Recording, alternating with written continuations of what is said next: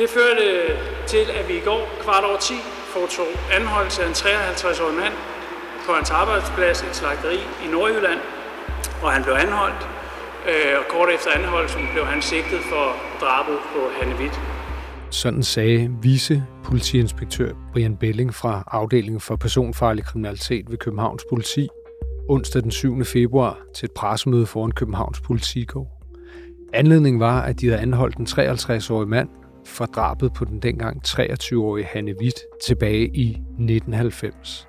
Det var et DNA-match lavet før nytår på den 53-årige søn, som ledte politiet på sporet af manden. Efter 6 timers grundlovsforhør blev han varetægtsfængslet i 27 dage, men han nægter sig skyldig i det gamle drab. Vi får nogle tips på kriminalreaktionen. Fra forskellige kilder i miljøet. Det er jo faktisk Virkelig grove forbrydelser, også altså voldsforbrydelser. Hvad ser vidnerne i sagen? Hvem står bag? Hvad er motivet? Ja. konflikt imellem Forskellige grupperinger. Drab. Vold. Hævn. Hver uge vender vi aktuelle kriminalsager på Ekstrabladet.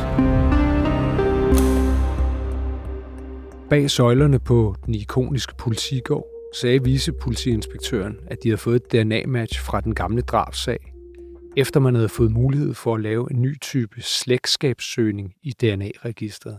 Det og selve den gamle sag skal vi tale meget mere om i dagens udgave af Afhørt.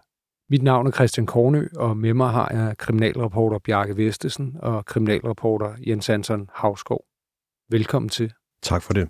Bjarke, kan du fortælle, hvad politiet siger i forbindelse med det her match på den her slægtskabssøgning i DNA-registret? Det kommer i øh, lidt forskellige tempi. Øh, det kommer lidt af gangen, fordi i første omgang har man jo øh, DNA-materiale fra øh, indersiden af bukselommerne øh, på de bukser, som den, den dræbte øh, Hanne Witt havde på.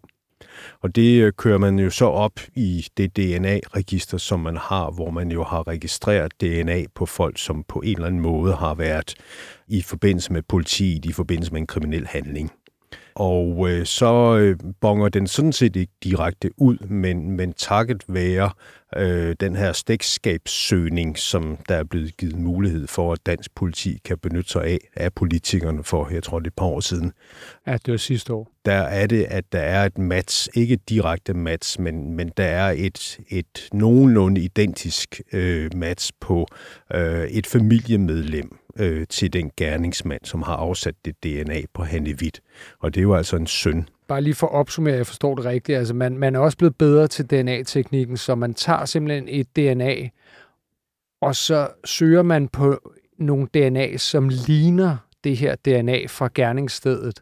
Og der er det, man så finder et DNA, der ligger, DNA-match, der ligger meget tæt på, og det viser sig så at være et DNA-match på sønnen til den anholdte. At det er Ja, sådan, ja. ja det, er lidt, det er lidt kompliceret det her, og det er jo også en, en uh, helt ny teknik, som, som, som politiet har kunne få mulighed for at bruge.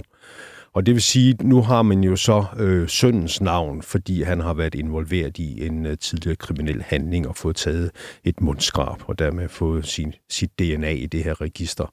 Så retter mistanken sig mod søndens far. Jeg var til det pressemøde nede ved Københavns Politigård, og som jeg husker det, altså får de det her match på sønden, altså lige inden nytår, så er det så, at de tirsdag går ud og anholder øh, faren og får taget et mundskrab på ham, og tirsdag aften har de så et match, der så bonger ud med den højst mulige sandsynlighed på, at det er den samme, øh, som har været, altså som har afgivet det her DNA i Hannevits lejlighed. Er det ikke rigtigt forstået? Jo, altså den højeste sandsynlighed på 1 til 1 million øh, viser, at øh, det øh, DNA-materiale, der øh, var i bukselommerne, øh, passer på den 53-årige mand.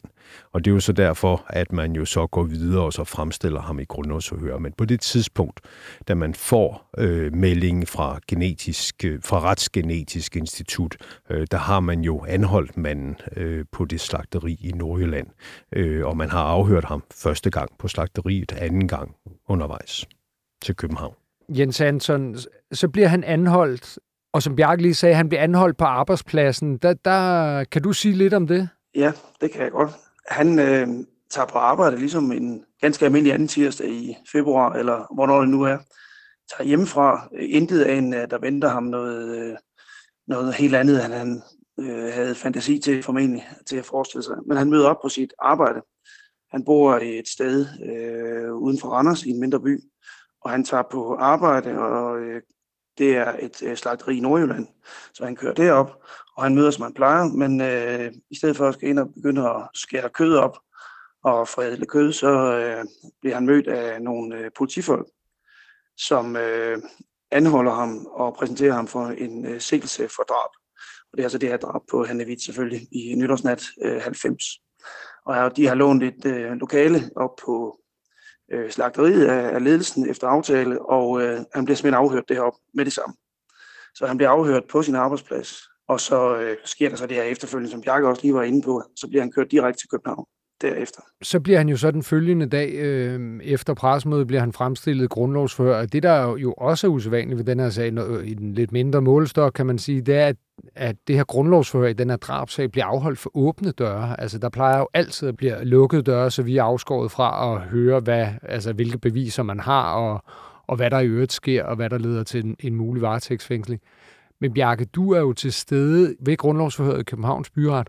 Kan du fortælle, hvordan den her mand ser ud, og, og hvilket indtryk han ligesom giver? Han er en øh, cirka 185 cm høj mand, øh, sådan relativt øh, muskuløs af kropsbygning. Han er jo slagter, så jeg tænker, det kræver jo øh, sådan, at man, man er relativt stor og, øh, og har mange kræfter til det.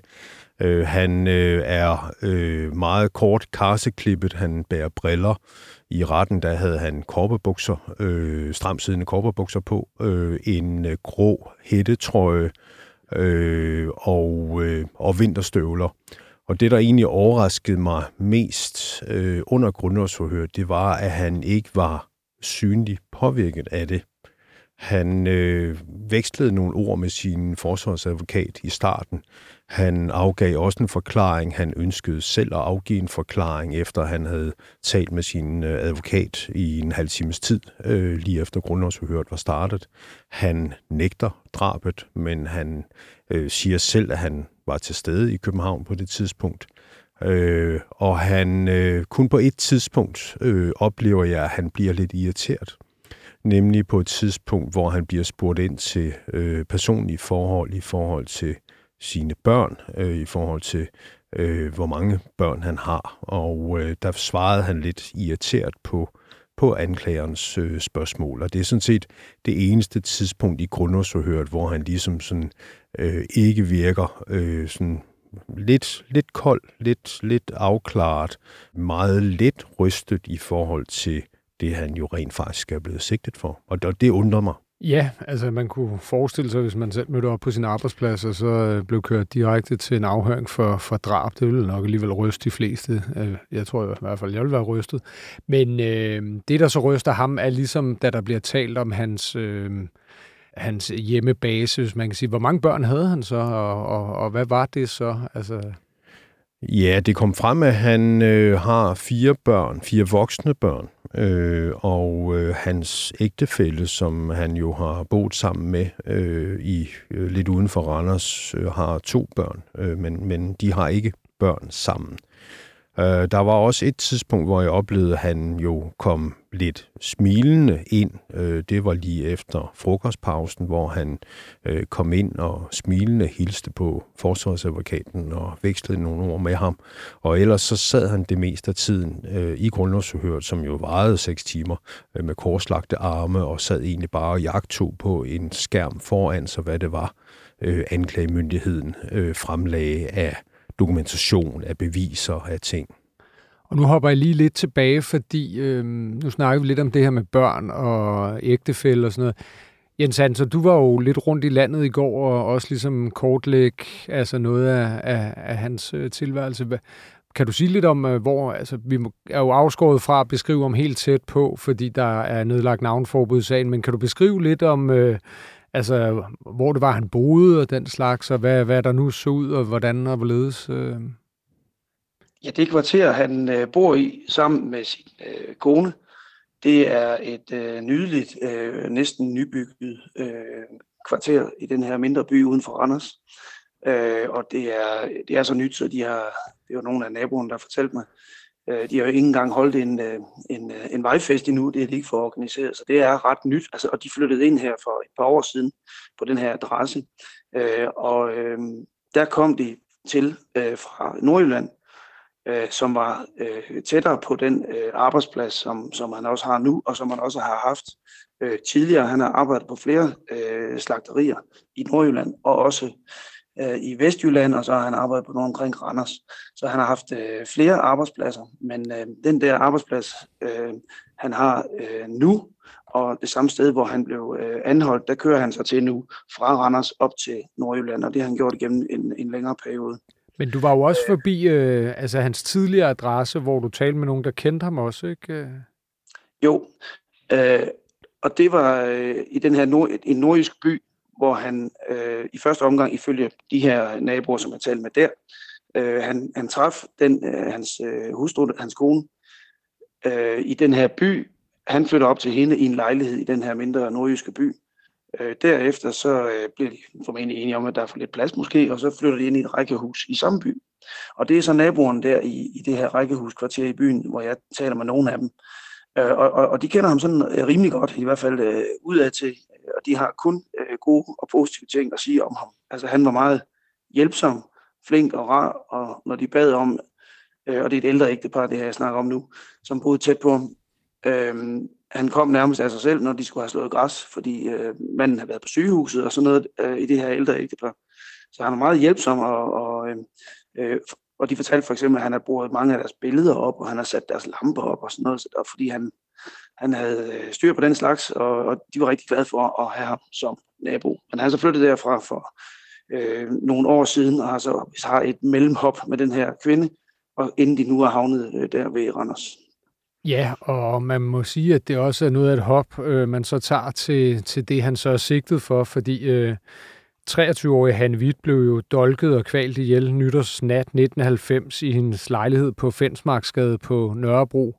Og der er jo så fundet DNA fra, fra denne her mand øh, i lejligheden. Øh, men der er jo også noget andet, som knytter ham til området, denne her nytårsnat 1990, Bjarke.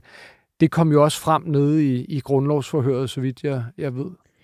Han øh, erkendte jo, at han var i København på det tidspunkt. Han øh, havde øh, nytårsaften været sammen med en øh, medværende pligtig øh, på Lades Kælder, et på det tidspunkt kendt musikspillested øh, ved Kattesundet ved Strøget.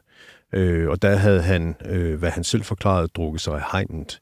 Han øh, var øh, i søværnet, han aftjente sin værnepligt øh, ude på Holmen øh, og boede ombord på øh, Olfert Fischer, øh, korvetten, øh, i de ni måneder, hvor han var øh, inde og aftjente sin værnepligt.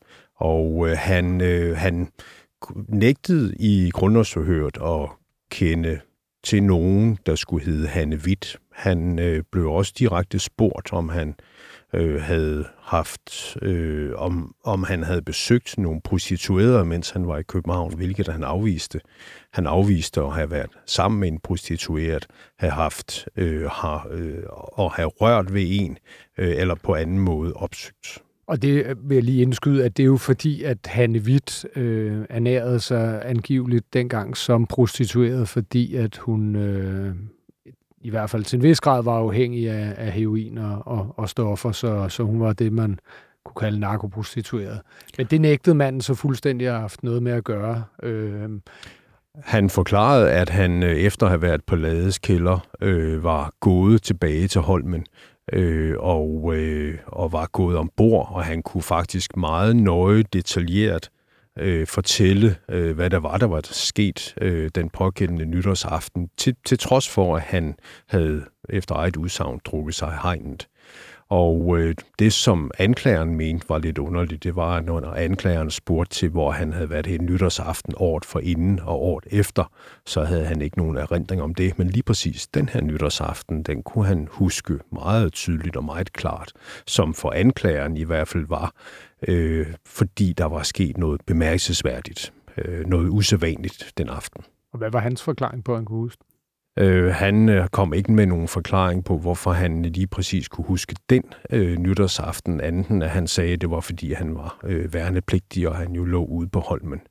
Og hvad har de ellers af beviser fra den gang? Øh, fordi der er jo også noget andet, som ligesom kan være lidt inkriminerende for den her i dag 53-årige mand. Ja, fordi øh, DNA kan jo ikke stå alene. Der er jo ikke nogen af beviser, der kan stå alene. Altså, man er jo altid have man er altid nødt til at have en række af beviser, øh, for at det kan populært sagt holde i retten. Øh, der er nogle vidneudsagn fra to taxachauffører, som jo altså også går tilbage til den efterforskning, som fandt sted umiddelbart efter, at øh, Hanne Witt blev fundet øh, liggende død i lejligheden i Fensmarksgade på Nørrebro. Øhm, og de to vidner, det er to taxachauffører. Den ene taxachauffør havde samlet en mand op øh, i det indre København, øh, og, og manden havde sagt, øh, om ikke øh, chaufføren kunne hjælpe med, og nu citerer jeg, at finde en luder, altså finde en prostitueret, og øh, taxachaufføren har en fornemmelse af, hvor han skal sådan køre rundt, ender på Halmtorvet, og samler en kvinde op, som øh, i hvert fald tyder på, at han er hvidt, fordi de kører til Hannevits bopæl på Fensmarksgade. Og øh, der bliver de sat af, og denne mand person øh, betaler med en 100 kroner seddel. Øh, så meget koster turen ikke, men, men han øh, skal ikke have penge tilbage. Og øh, taxichaufføren giver jo en, et signalement, en beskrivelse af den her mand. Og præcis den samme beskrivelse og det samme signalement kommer en anden taxichauffør med senere nytårsnat omkring, ja, som jeg husker omkring ved 2.30-tiden, 2.15-tiden, øh, natten til, til nytårsdag, øh, hvor han samler en person op, en mandsperson, øh, på Tagensvej, Øh, som jo er meget tæt på Fensmark. Som er meget tæt på Fensmarksgade, ja. Og det er mellem Stævnsgade og Jagtvej øh, hvor der står en mand, sådan lidt i, i skyggen af noget af en gadelampe, men præger den her taxa. Og taxaen øh, stopper, chaufføren stopper, og manden kommer ind øh, og bliver bedt om at, at blive kørt til Valby station. Og de to øh, vidneudsagn fra de her taxachauffører, de, øh, de er jo også en del af det bevismateriale, som jo altså ligger 3-34 år tilbage, og som man jo er ved at grave frem og finde ud af, hvad er op og ned i forhold til den efterforskning, der fandt sted dengang, sammenholdt med øh, de oplysninger, som man jo nu øh, har i sagen. Ja, og passer de signalementer, taxachaufførerne så giver, altså kan de passe på den i dag 53 år? De ser øh, ud til at kunne passe på det tidspunkt, altså, altså højde og drøjde øh, og, og øh, sådan kropsbygning øh, i al almindelighed. Nu er det jo svært at vide, øh, hvordan øh, den 53-årige jo har set ud på det tidspunkt, fordi det kan jo have forandret sig mangt og meget. Men, men, øh, men det kan jo være ham, og det må jo så være op til, til anklagemyndigheden og til politiet at, at øh, kunne bevise det, hvis man, hvis man mener det. Ja, og nu nægter han sig uskyldig i det her øh, forfærdelige drab på den unge kvinde her, øh, men har han en, en, en forhistorie, altså, som kunne, altså det ser vi jo tit med, med, med sådan noget drabsmænd, at det er jo sjældent det eneste, de ligesom begår i deres liv. Han har en forhistorie, ikke inden for, ikke inden for drab, men han har begået flere røverier. Øh, blandt andet begik han et øh, røveri, øh, hvor udbyttet var bare 8 kroner øh, og øh, et andet røveri med en dolk, øh, som han begik med en medgerningsmand, og det kostede ham altså øh, fængsel i et år og tre måneder. Øh, senere så øh, får han også en, en dom for røveri og for noget bedrageri på 10 måneders fængsel. Øh, vi er tilbage i, i starten af 90'erne, øh, og det er det, som, som der blev læst op i retten, at han har som, som forhistorie, øh, sådan kriminelt set. Ja, altså der har jo været lavet både tv-udsendelser og været skrevet uendelig meget om øh, det her uopklarede kvindedrab øh, på Hanne Witt. Hvorfor har han ikke stået frem før? Fordi altså alt andet lige, altså kan man sige, der er både hans DNA i hendes bukselommer, og så er der jo også hans DNA øh, med en rimelig sandsynlighed på en ledning, der muligvis er blevet brugt til at kvæle hende med. Altså hvorfor er det, han ikke er stået frem tidligere? Ja, altså, det må vi jo vurdere på, når, når retten, hvis retten kender ham skyldig i drabet. Øh, han har måske holdt lav profil med det. Øh, nu skal vi jo sige, at han jo, han jo nægter det her. Øh, men, men det kan jo også være, at han, han jo, øh, jo ikke har begået det. Det, det, er jo, det, er jo, det må retten jo vurdere ud fra de beviser, som der nu skal graves frem. Øh, Hanne Witt blev jo dræbt både med knivstik, øh, men også stranguleret med øh, med et antennekabel, som var flået ud af væggen, altså stikket, som sad fast ind i væggen. Det blev simpelthen flået ud så kraftigt, at stikket det faktisk knækkede. Øh, og og øh, det blev altså brugt til at strangulere øh, hende med. Og der er også fundet øh, blodspor, som passer på den 53-årige. Dog ikke med lige så stor sandsynlighed som øh, Øh, de øh, blodspor, den DNA, de, de, de DNA-spor, der blev fundet øh, i lommerne, i bukselommerne på, på Hannevit. Og så, og så kan man så sige, hvorfor lige i bukselommerne? Der blev fundet 400 kroner, som var gemt i en pose om bag gasmåleren i Hannevits lejlighed. Og øh, det er politiets teori, at det var de 400 kroner, som, som hun altså fik øh, for øh, af den her sidste sexkunde, som var oppe i hendes lejlighed. Øh, og øh, gerningsmanden, uanset hvem det så end må være, øh, har formentlig let efter pengene for at tage dem med og har formentlig så øh, stukket fingeren i lommen på, på øh, Hanne Witts bukser for at se, om de lå der. Og det gjorde de så ikke, fordi de jo altså lå gemt op bag en gasmåler. Og det er jo en af de teorier, som, som politiet jo øh, skal arbejde videre med. Ja, og Jens Hansen, altså politiet efterlyser jo også et vidne i, i, i denne her sag. Fandt du ud af, hvem det var? Øh, nej, og det øh, vil politiet også rigtig gerne finde ud af. Øh, det, det handler om, det er, at der er et vidne helt tilbage i oktober 91, og det vil altså sige, det er knap to år efter, at det her drab det er sket. Der får øh, politiet en anonym øh, henvendelse, en opringning, hvor øh, en mand øh, fortæller til politiet, øh, han peger på to øh, mulige personer, som kan have begået det her drab øh, nytårsnat 90. Og øh, det, der øh, i hvert fald er noget, de har hæftet sig ved, det er, øh, at det er øh, en personer, som har arbejdet på øh, et slagteri i Lemvi. Det er også noget, de selv har været med, øh, eller har, har frem øh, politiet nu her. Men de efterlyser stadig det her vidne. Øh, blandt andet fordi det, som øh, der bliver nævnt af de her to øh, øh navngivende personer, det er ikke den øh, sigtede, som, som de mener, der har gjort det. Så politiet vil øh, øh, helt grundlæggende gerne have fat i den mand. Hvorfor ringede han? Hvorfor nævner han de her personer? Eller hvad er det? Eller har han taget fejl af nogen? Men han har ikke henvendt sig, den her mandsperson, der har ringet. Og vi aner heller ikke, og det gør politiet jo til synligheden heller ikke, for de efterlyser ham stadigvæk. De ved ikke engang, om han lever. De ved ikke, hvem det er. Så, øh, så det er ligesom en, en af de mange tråde, som de forsøger at redde ud. Men det vil angiveligt være et, øh, et stærkt bevis, eller måske det modsatte, hvis de får fat i den her person. Ja, det blev spændende at høre, fordi som du selv lige er inde på her torsdag eftermiddag, har de stadig ikke fået en henvendelse øh, fra denne her mand, som, som ringer ind i, i 1991. Øh, så det bliver spændende at se, om, om, om han henvender sig, eller hvad der, hvad der nu sker. Og det bringer mig videre til, hvad sker der nu i sagen, øh, Bjarke?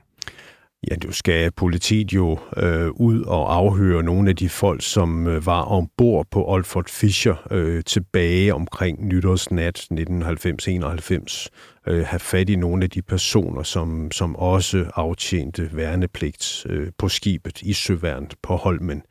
Øh, fordi den 53-årige har peget på nogle personer, øh, har givet, han kunne ikke helt huske navnene, eller navn på den øh, med øh, værnepligtig, som han var i byen med øh, nytårsaften. Øh, og øh, der skal politiet jo forsøge at finde vedkommende og, og høre, om det passer, at de var, var i byen sammen. Men også da den 53-årige følge sin egen forklaring kommer tilbage til til korvetten øh, ud på natten en gang efter midnat, øh, så møder han øh, kajvagten. Altså det er den vagt, som jo går langs kajen og ligesom kontrollerer, at trosserne de sidder ordentligt fast øh, ind, til, ind til kajen øh, og han hilser på den pågældende kajvagt. Øh, han er så ikke helt sikker på, at han er blevet set, men han går op og registrerer sig på den tavle, som de skulle gøre.